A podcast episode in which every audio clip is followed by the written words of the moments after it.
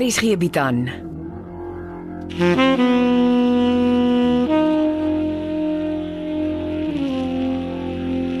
Beproeving deur Jo Kleinhans.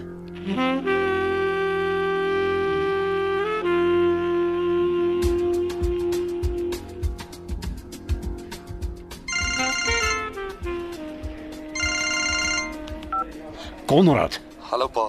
my magtig seun, wat het vir jou geword? Ek staan hier in die polisiestasie besig om jou verdwyning aan te meld. Wag pa, ek is oukei. Okay. Ek sit en leer. Waar? Een van my buddies se plek. Is lekker stil hier, niemand pla my nie. Hoekom sê jy moenie net waar jy is nie? Ek is jou pa, ek is bekommerd. Sorry pa. Ek het gedog ons het dan besluit my swattings is nou priority. Natuurlik het ons. Maar dit beteken nie jy kan net verdwyn sonder om my te sê nie. Die konstabel skryf al my verklaring en Cindy is ook hier. Is hy daar? Ja. Jy het ons almal lelik aan die rondhol. En Cindy moet gaan leer. Sorry pa. En sê vir Cindy ook jammer. Ek bly vir eers hier. En waar is dit? Pa, chill nou. Ek is oukei. Okay. En pa het 'n trou om te organise. Ek sien pa later in die week, na ek my volgende vak geskryf het. Ag, Ah, dis nie nodig om so geheimsinnig te wees nie. Ek sal nie kom kyk of jy regtig leer nie. Ek bel pa na my volgende vraestel. Relax nou en help dat Cindy so gou as moontlik terugkom by haar swattings. Thanks pa.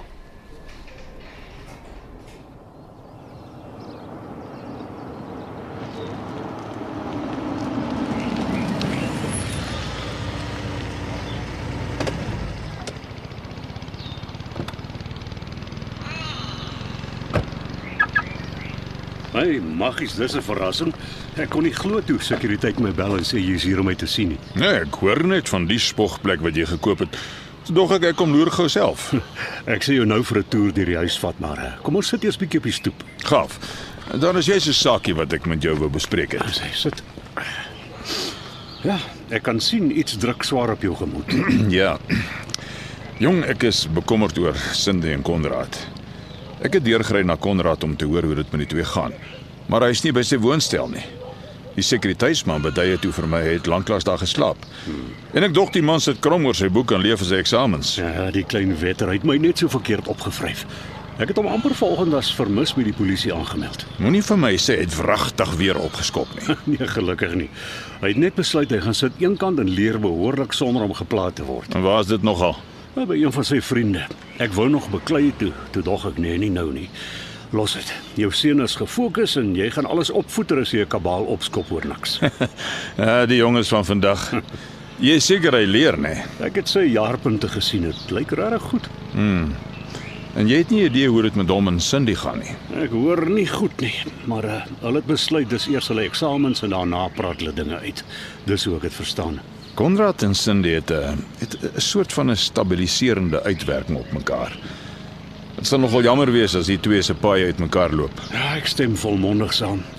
Maar uh, vanaf die Leon Leroux en Cindy se lewe gekom het, is sake minder w- stabiel. Volgens my inligting maak Cindy en Leon die pap nogal dik aan. Ek hoor die man slaap saans by jou dogter. Is jy seker? Jy kan nie altyd die Bostelegraaf se stories glo nie.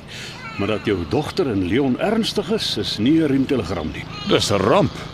Dis wat gebeur as my dogter nie onder my oog leef nie. Sy moet terugkom huis toe, so gou as moontlik. Ja, en jy weet dit gaan nie gebeur nie. Kom ek vertel jou sommer eerstehands dat my geliefde skoonpa 'n huis naby die Boonste gastehuis gekoop het. Daar's 'n netjiese woonstel op die agterkant. Wat hy natuurlik vir Cindy aangebied het. einste? Asof die verdomde man altyd aan Cindy se kant reg teenoor my stelling inneem. Hy wil my nou maar eenmal ondergrawe. Ai, ek dog julle twee hierdie stryd byl begrawe. Ek het ook so gedink, maar ek was duidelik verkeerd. Ek sal nie te veel daarin lees as ek jy is nie. Fokus eerder op jou nuwe skoonseun. Skoonseun se gat. As daai twee wil trou, is daar min wat jy daaraan kan doen om te keer. Hulle gaan nie trou nie. Ek sal doodseker maak Cindy trou nie voor sy klaar is met haar studies nie. Ek het in Cindy vasgeloop. Sy is nog steeds lief om tydig en ontydig by die boonste gastehuis te gaan swem. Jou dogter het 'n metamorfose ondergaan. Sy is baie haregat. Dis nie meer die ou liefdevolle Cindy nie. Niemand gaan haar vertel wat om te doen nie. Dan moet Leon Roux maar sy ry kry. Uh, sterkte. Ja, kom. Ek wys jou hoe lyk my huis. Camilla het dit nog net op Skype gesien, maar uh, sy dink dit is 'n baie grand plek.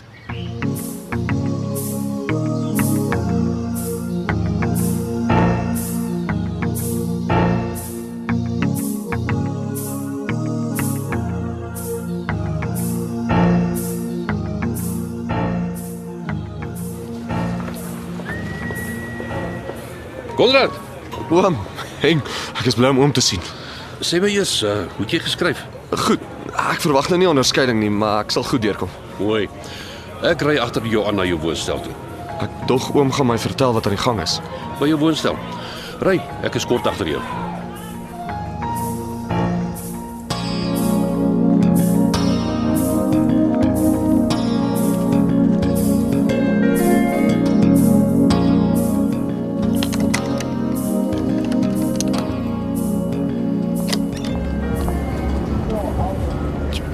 My flat.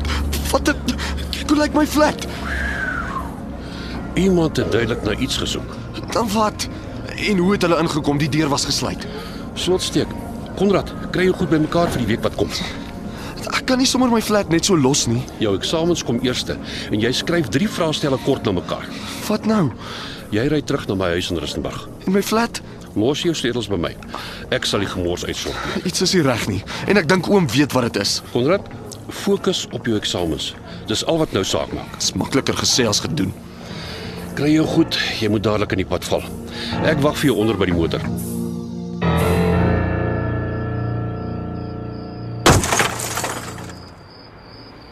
Hey, wat dink jy doen jy?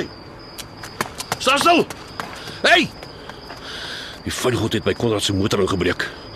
Ek kan sweer dis dieselfde skobbejak wat onder in die Kaap was, Becker se handlanger. En nou?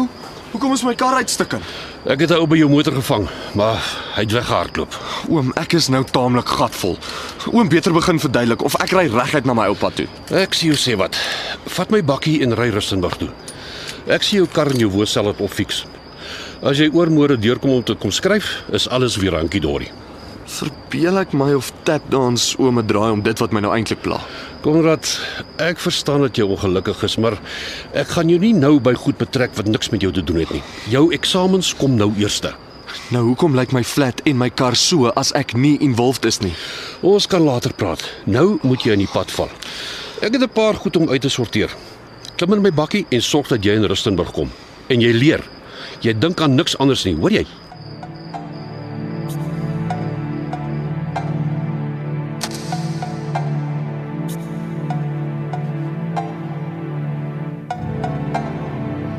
En as jy my hier by my motor inwag, meneer Stoffberg, PJ, PJ.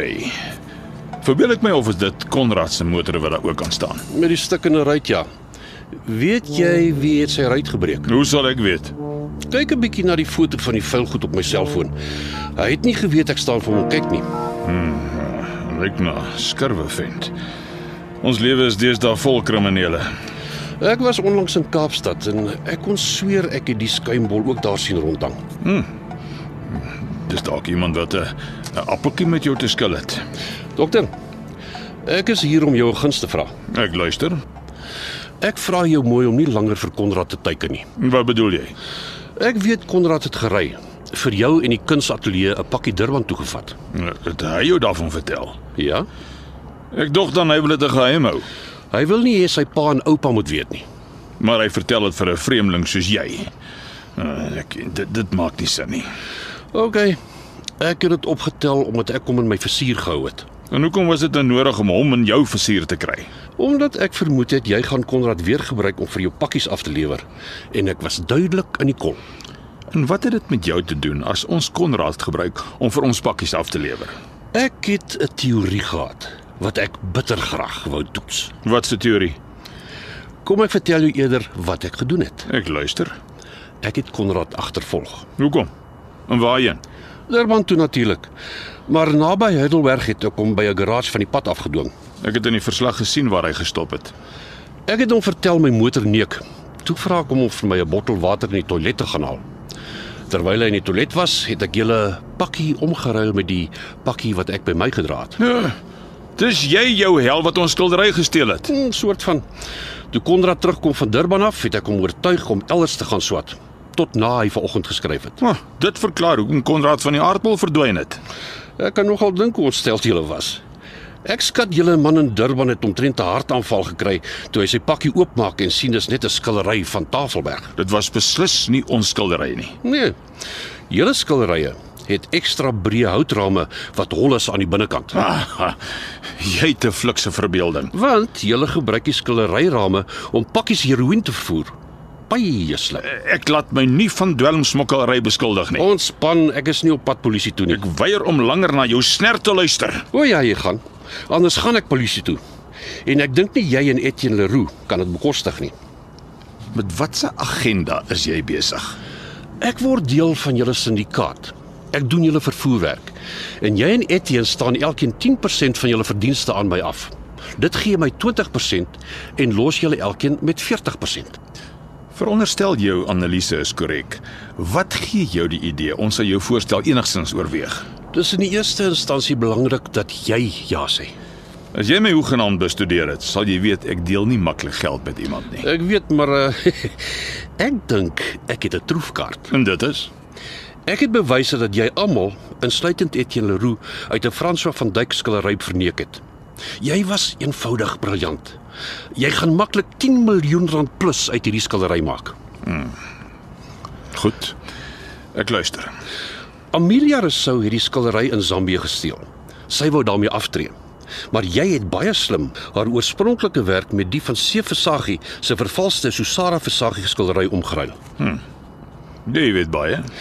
Ek was soos 'n skaduwee al agter jou aan in Kaapstad.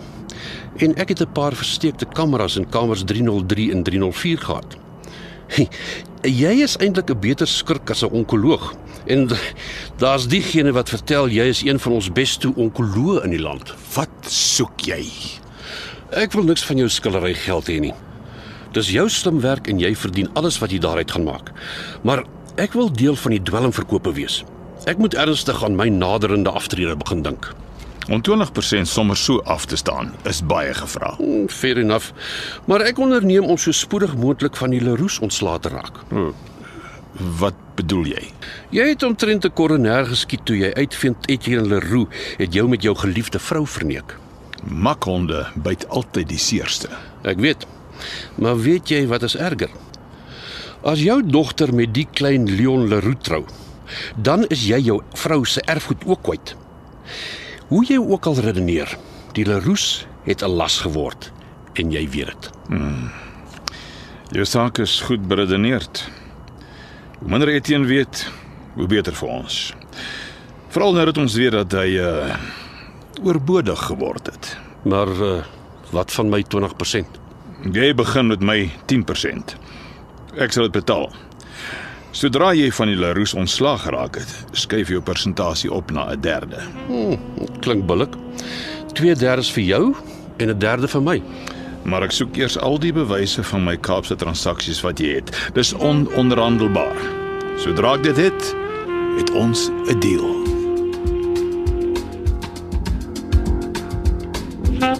Beproeving word geskryf deur Jo Kleinhans.